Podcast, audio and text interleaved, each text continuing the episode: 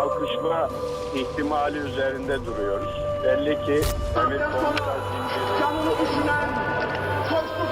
Yapılan hareket bir ihanet hareketidir. olmadan asker içerisindeki bazı kişilerin maksadıyla ülkemizin birliği, beraberliği, bütünlüğüne yönelik harekete karşı gelsinler ne yapacaklarsa halka orada yapsınlar. Halkın gücünün üstünde bir güç ben tanımadım bugüne kadar.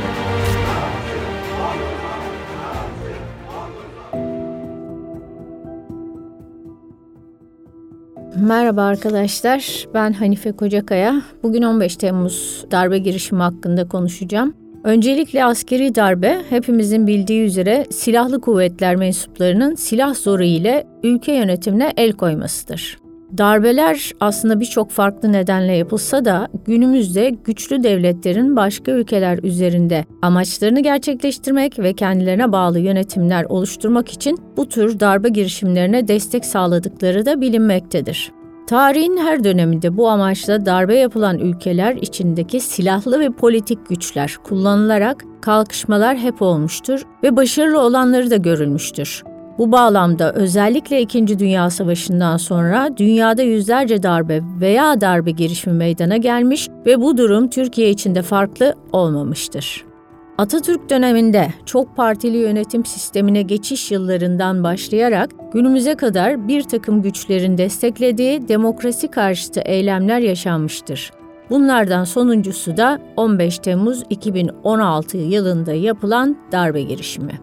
Sonuçları itibariyle aslında daha önceki darbe girişimleriyle benzerlikleri olmasına rağmen farklılıklar, önemli farklılıklar da göstermektedir. Her şeyden önce bu girişimde bulunanlar seçilmiş hükümetlerde yer alan bir takım güçlerin yıllarca destek sağlamasıyla güçlenmiş ve sonunda bir terör örgütüne bağlı olarak kalkışmaya girişmişlerdir. Bu güç odakları sayesinde yıllarca devletin en üst kademelerine gelen bu gruplar örgütün istekleri doğrultusunda ülkemizi yönetmişlerdir.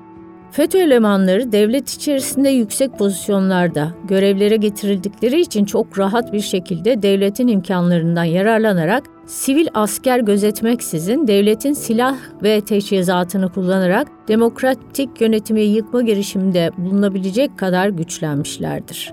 FETÖ'ye bağlı bu insanlar ve onu destekleyen dış odaklar 15 Temmuz akşamı Boğaziçi Köprüsü'nü kapatarak harekete geçti. Bu olaylar sırasında yüzlerce kişi hayatını kaybetmiştir, binlerce insan da yaralanmıştır. Darbe girişimi Türkiye halkının, ordusunun ve güvenlik güçlerinin direnişiyle önlenmiş, ülkemizi demokrasi yolunda ilerleyişine de destek sağlamışlardır ve büyük bir tehlike atlatmıştır. Ülkeyi sosyoekonomik olarak etkileyen ve birçok alanda güvensizlik yaratan bu darbe girişiminin iyi analiz edilerek çıkartılan sonuçlarla tekrarının yaşanmaması için gerekli önlemlerin alınması lazımdır. Darbe girişimi birçok bakımdan ilklerin de yaşandığı bir şey olmuştur. Mesela 15 Temmuz'daki girişimde darbeciler başlangıçta ortada yok, ne göründüler ne de konuştular. Diğer yandan halka karşı şiddet kullanılması ve ateş edilmesi de bir ilk oldu. Kamu binaları ve Türkiye Büyük Millet Meclisi'nin uçaklar tarafından bombalanması da aynı şekilde bir ilktir. Sivil halka ateş açıldı, askeri güçlerle emniyet teşkilatı arasında şiddetli çatışmalar yaşandı. Darbeciler halkı ve silahlı kuvvetleri yanına alamadıkları gibi kitle iletişim araçlarının kontrolünü de ele geçirememişlerdir. Halkın daha başlangıçtan itibaren darbecileri tanımayarak direnişe başlaması Türkiye'de bir ilk olmuştur. Halkın silahlı kuvvetlerin ve medyanın desteğini alamayan darbeciler başarısız oldu. Her şey planladığı gibi giderken örgüt üyesi bir subayın bir saldırı olacağını bildirmesi darbe girişiminin kaderini değiştirmiştir. Ayrıca ordu içindeki büyük bir kesim bu girişimi desteklememiş, üstelik bazı askeri personel darbecilere karşı şiddetli bir direnç göstermiştir. Ayırt edici başka bir durum ise ülke demokrasisinin meşru kurumlarına ve direnen halka açık ve kanlı bir saldırıya girişmiş olmalarıdır. Türkiye'de darbecilerin demokratik kurumlara ve karşıt gördükleri toplumsal grup ve siyasetçilere şiddet uygulamaları yeni bir şey değildir. Önceki darbelerde de silahlı kuvvetler siyasetçilere ve halka karşı şiddet kullanmışlardır. Ordu 1971 muhtırasından sonra gençlik hareketlerini kanlı bir şekilde tasfiye etmiştir. 1980 müdahalesi ise onun sonrasında gördükleri işkenceler yüzünden sayısız vatandaşımız öldürülmüş, hapislerde ya da gözaltılarında hukuka aykırı olarak kaybedilmişlerdir. 50 kişi yine 1980 darbesinden sonra askeri rejim tarafından idam edilmiştir. Öncekilerin 15 Temmuz'dan farkı uygulanan şiddetin açık bir toplumsal direniş karşılarında bulamamaları nedeniyle görünür olmayacak şekilde ve sözde hukuk örtüsü altında gerçekleştirilmiş olmasıdır. 15 Temmuz darbe girişiminde darbeciler ülke demokrasisini temsil eden kurumsal yapılara ve darbeye direnen halka karşı orantısız açık bir saldırı gerçekleştirmişlerdir. Millet iradesine dayanan ne varsa yok etmeye ve sindirilmeye çalışılmıştır. 15 Temmuz gecesinde Türkiye Büyük Millet Meclisi'nde toplanan milletvekillerinin partiler üstü mutabakatı anlaşması bu kurumla meşruluk veren Türk milletinin sabaha kadar süren direnişi darbe girişiminin başarısızlığa uğratılmasının temel nedenlerinden biridir. Asker devlet ilişkileri literatürü açısından bakıldığında 15 Temmuz asker devlet ilişkilerine, demokratik kurumlara, ordunun müdahale etme nedenleri açısından geliştirilen yaklaşımlar ordunun ne ölçüde sivil siyasi kurumlarla bağlı bir kültürel ve yasal yapının kurumsallaşmış olduğu sorusu üzerine yoğunlaşır. Bu yetki alanları liberal bir devlette olması gerektiği gibi düzenlenmemişse veya böyle bir kültür ülkede yerleşmemişse ordu farklı gerekçelerle siyasal otoriteye müdahale edebilir. Hatta bazı örneklerde olduğu gibi onun yerine geçebilir. 15 Temmuz darbe girişiminin devlet ideolojisine bağlı olan ordu hiyerarşisi ya da ordu içindeki bir grup tarafından gerçekleştirildiği iddia edilemez. Tersine bu darbenin dinamiği ordu hiyerarşisinin dışından bir örgütün çıkarları tarafından yönlendirilmesi olmuştur. Bu yönüyle darbeci grup kurumsal bir konumdan çok bir sosyolojinin üzerinde konumlanmış, onun uzantısı olarak hareket etmiş bir yapıya sahiptir. Darbe sürecini kontrol amacıyla doğrudan Fethullah Gülen'e bağlı olan ve ordu imamı olarak nitelendirilen bir akademisyen Adil Öksüz'ün sürecin yönetildiği Ankara Kazan ilçesindeki akıncılar üstünde yakalanması tankların içinde daha önce FETÖ üyesi oldukları görüldüğü için bu nedenle Emniyet Müdürlüğü ile ilişkileri kesilmiş, polis amirlerinin yakalanması, süreçte yargı mensuplarının aktif rol oynamaları 15 Temmuz'da ordunun bir örgütsel yapının vurucu kanadı olarak işlev gördüğünü ortaya koymaktadır. Dolayısıyla askeri darbeleri mesleki özellik, otorite alanı veya koruyucu bir misyon edinme ile açıklayan liberal yaklaşım ile 15 Temmuz'un açıklanması mümkün görünmemektedir. Askeri darbelerin veya askeri vesayetin oluşumunda ordunun ekonomik bir aktör olarak piyasa ve kamu ekonomisi içindeki ayrıcalıklı konumundan belirleyici bir etkisi olduğu farklı analizlerle de ifade edilmektedir. Ekvador, Guatemala, Honduras, Pakistan gibi ülkelerde askerin rejim işindeki belirleyici konumu ve zaman zaman siyaset sürecine müdahalesi bu ülkelerdeki toplumsal değişimin ekonomik yapıda yol açtığı dengesizlikler üzerinden anlamlandırılmıştır. Bu durum mevcut kurumlar üzerinde askerin görünür hakimiyetinin büyüyen kamu sektörü içinde ordunun konumunun güçlendirmesinin bir sonucudur. Bu analizlerde siyasal, kültür ve kurumsal yapı arasındaki etkileşimin askeri hem anayasal olarak hem de ekonomik bir aktör olarak güçlendirildiğine işaret edilmekte. Dolayısıyla asker siyasal süreçlerde yalnızca rejimi koruma kaygısıyla değil, aynı zamanda sosyoekonomik değişimin etkileri ya da siyasi otoritelerin ekonomi politikalarında stratejik değişikliğe gittikleri dönemlerde de müdahaleci bir rol oynamıştır. Özellikle ordunun ekonomik konumu ile yabancı ülkelerin veya uluslararası şirketlerin çıkarlarının Kesiştiği dönemlerde askerin daha uzun süreli müdahalelerle ekonomik yapıyı yeniden şekillendirdikleri ve geçiş sürecine nezaret ettiği birçok örnekte bulunmaktadır. Özellikle Latin Amerika ülkelerine görülen askeri müdahalelerin ekonomik statikoyu korumak ya da yabancı ortakların istedikleri doğrultuda ekonominin revize edilmesiyle yakından ilişkili oldukları görülmekte. Aynı durum askerin körfez sermayesiyle bağlantılı olarak piyasa üzerinde hakimiyet kurduğu Mısır gibi ülkelerde aynı şey söz konusu olmuştur. Mısır'da sadece iç politikada asker-sivil ilişkisi değil, siyasetin işleyişi konusunda körfez ülkelerinin beklenti ve endişeleri de dış destekli askeri darbelere zemin hazırlamıştır, hazırlayabilmektedir. Oysa 15 Temmuz darbe girişimi ordunun Türkiye ekonomisi içinde konumu ile değerlendirmek mümkün değildir. Darbede başrolü oynayan FETÖ yapılanmasının ülke ekonomisi içinde çok önemli bir konumu vardır. Bu yapı Türkiye İş Adamları ve Sanayiciler Konfederasyonu şemsiyesi altında 7 bölgesel İş Adamı Federasyonu tarafından 2005 yılında kurulan ve Türkiye genelinde 80 ilde faaliyette olan 162 İş İnsanı Derneği'nin T derneğini temsil eden bir çatı kuruluş altında örgütlenmiştir. Örgüt özellikle 2006 yılından itibaren Afrika ülkeleri ile geliştirilen bağlantılar ve bu bağlantıların Türkiye'nin Afrika politikalarında ara bulucu bir konum edinmesiyle güçlenmiş bir ağ yolu ile siyaset sürecine de nüfuz edebilmiştir. Ordu içindeki hizipler ya da anlaşmazlıklar da askeri darbelerin bir diğer nedenidir. Ordu içindeki hizipler farklı ideolojik yaklaşımları temsil etseler de genellikle darbelere yön veren ve başarılı olduğunda yeni süreci yönlendirenler yine askerlerin kendileri olmuştur. Askeri liderler sivil unsurlarla işbirliği yapabilirler, onların düşüncelerini önceleyebilirler. Ancak karar alıcı olarak süreçte her zaman merkezi rol oynamışlardır. 15 Temmuz girişiminde askerin dışarıya tabi olarak hareket ettiği belirlenmiştir. Bu nedenle darbe girişiminin ordu içinde bir numarasının kimliği bile yeterince açıklanmamıştır. Dışarıdaki lidere itaat eden darbeciler sivil abilerinin talimatı doğrultusunda hareket etmişlerdir.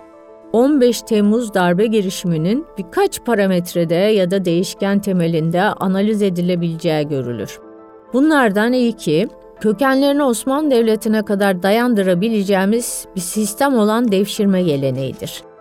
Nasıl Osmanlı Devleti'nde Fatih'le özellikle Fatih döneminden sonra doğrudan sultan otoritesine bağlı devşirme sistemine dayalı bir bürokratik ve askeri yapı merkezi yönetimin bel kemiğini oluşturduysa, şimdi aynı yapılanmayı ya da benzer yapılanmayı farklı biçimde en azından yabancı unsur olmadan Türkiye'de görmüş olduk. Bu yapı devletin kurulma sürecinde doğrudan kardeş kavgasına dönüşen ve beyler arasındaki anlaşmazlıkların belir, e, belirleyici olduğu iktidar mücadelelerine karşı daha özel ve hiyerarşik bir merkezi mekanizmanın oluşturulması için kullanılmıştı Osmanlı'da. Siyasi merkezi çevreye karşı güçlendiren bu sistem toplumsal yapıdan görece özel ve ona mesafeli bir yönetsel anlayışın zaman içerisinde ise yerleşmesinde etkili olmuştur ya da buna neden olmuştur. 18. yüzyılın ortalarından itibaren başlayan reform hareketleri ve demokrasi konusundaki arayışlar Buna rağmen yaşanan toprak kayıpları 19. yüzyılda artık gayrimüslim unsurlara dayalı bir devşirme me- mekanizmasını sosyolojik açıdan faydasız ya da gereksiz kılmıştır. Asker ve sivil bürokrasi artık yerel unsurlara dayanmak zorundaydı. Bu açık olarak görülmüştü. Ancak batılı reformların taşıyıcı gücü olan bu unsurların toplumda görece özel kılınmaları ve merkezileştirilmelerin yanında yer almaları anlayışı varlığını yine burada da korumuştur. Yeni devşirme sistemi içeride yatılı okullara ve ülke dışına eğitim için gönderilen kişilere bağımlı olarak yeniden yapılandırılmıştır. Türkiye Cumhuriyeti'nin kurucu kadrosu bu reform sürecinin içinden gelen askerlerden oluşuyordu ve savaş koşulları içinde kendilerine iyice bağımlı hale getirdikleri ya da gelen sivil bürokrasi üzerinde de hakimiyetlerini kurmuşlardı. Türkiye'de modernleşme döneminin belirleyici aktörleri de asker ve sivil bürokratik seçkinler olmuştur. Bu durumun bir sonucu olarak da merkezi gücü oluşturan asker ve sivil bürokrasi hemen her toplumsal grup ve siyasal oluşumla çatışmaya girebilmiştir. Bu gruplara karşı zaman zaman ödüllendirici oldukları gibi zaman zaman da cezalandırıcı bir politika izlenmiştir.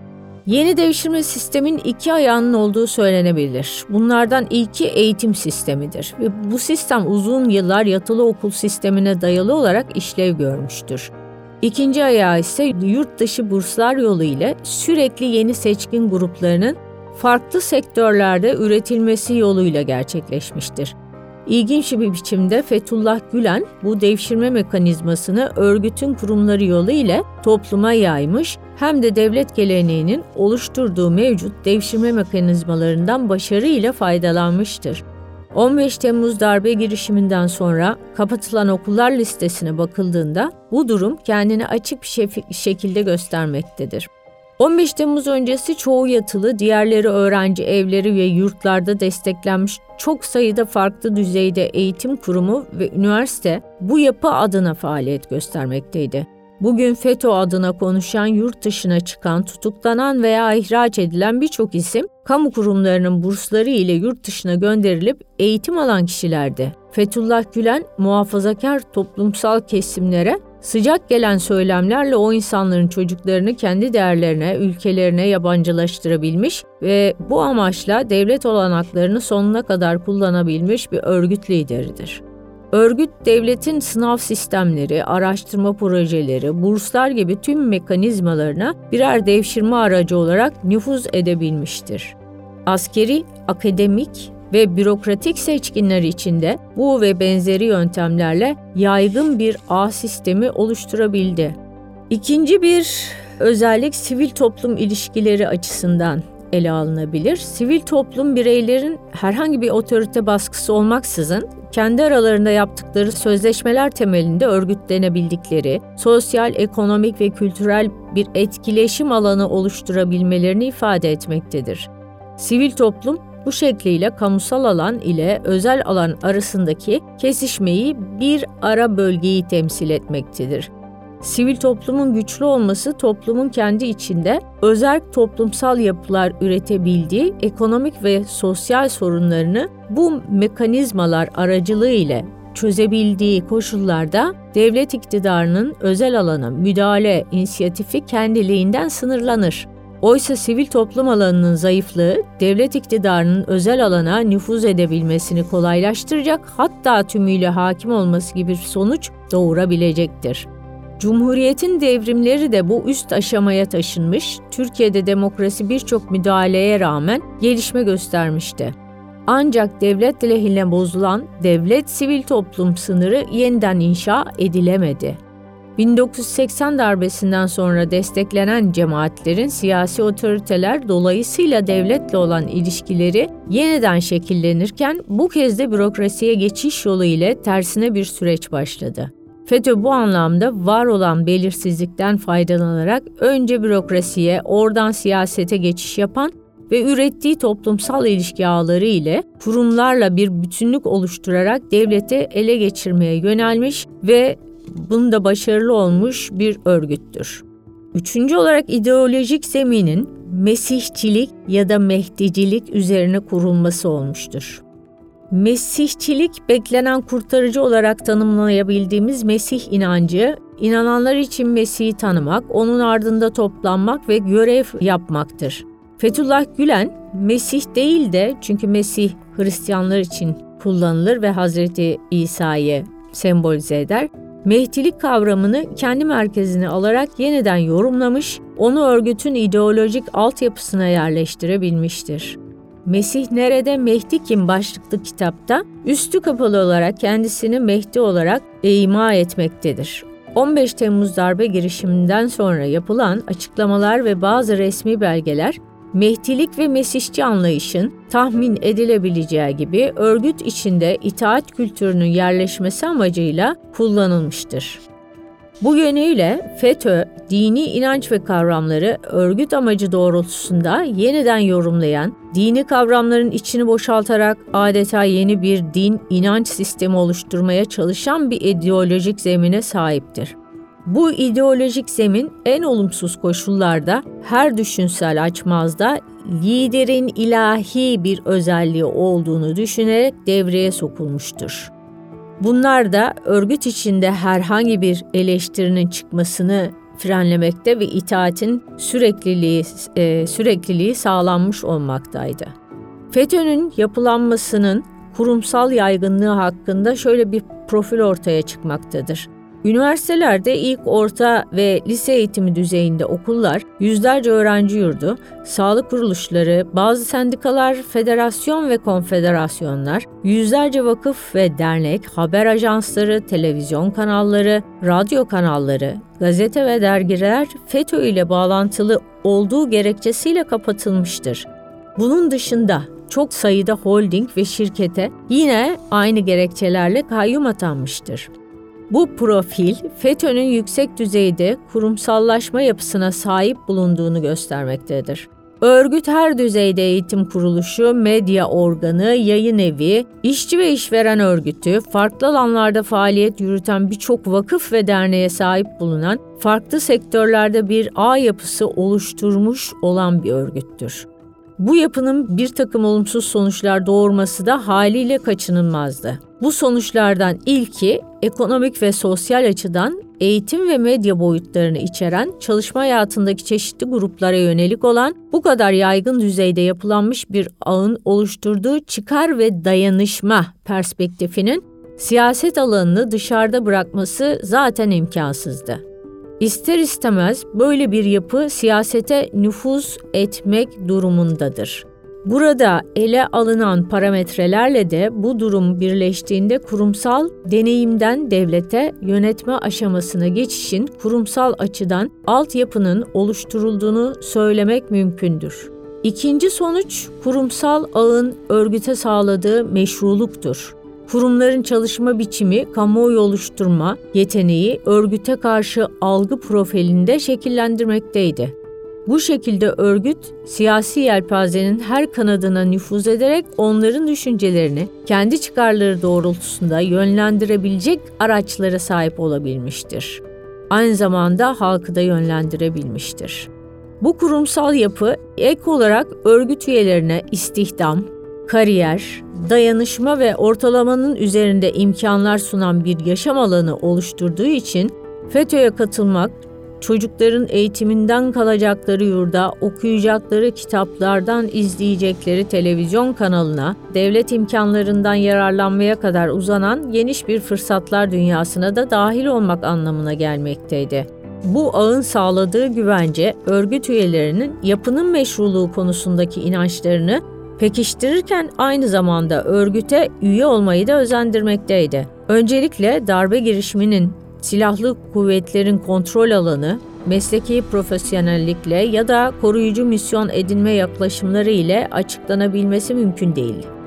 Ortaya çıkan sorunun ordu merkezli bir yaklaşımla çözümlenebilmesi de tek başına yeterli değildir topluma mesafeli, merkeze bağımlı bürokratik kadrolar oluşturma arayışına dayalı yaklaşım ve mekanizmalar özünde değerlerini dışladığı ancak tek insan kaynağını oluşturan millet ile devlet arasında derin bir boşluk oluşturmuştu.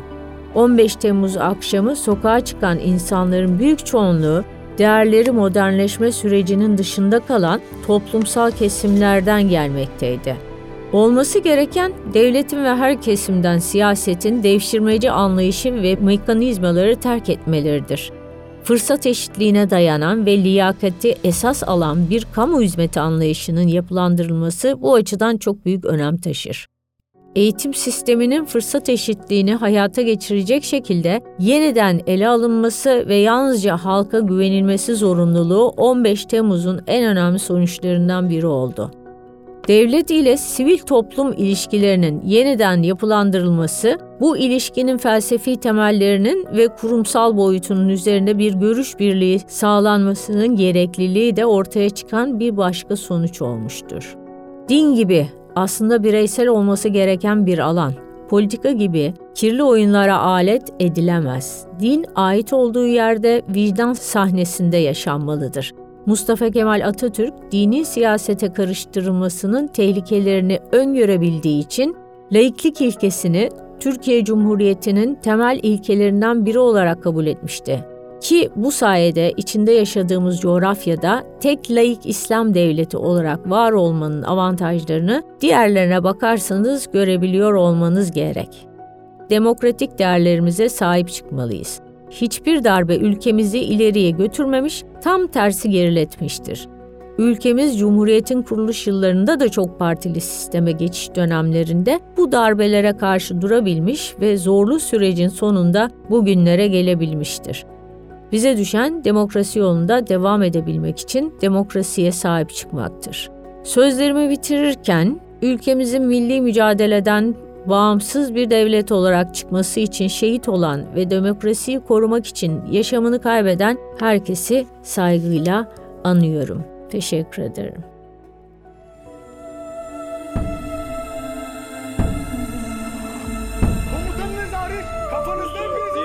Kalkışma ihtimali üzerinde duruyoruz. Belli ki emir komuta zinciri Yapılan hareket bir ihanet hareketidir. olmadan asker içerisindeki bazı kişilerin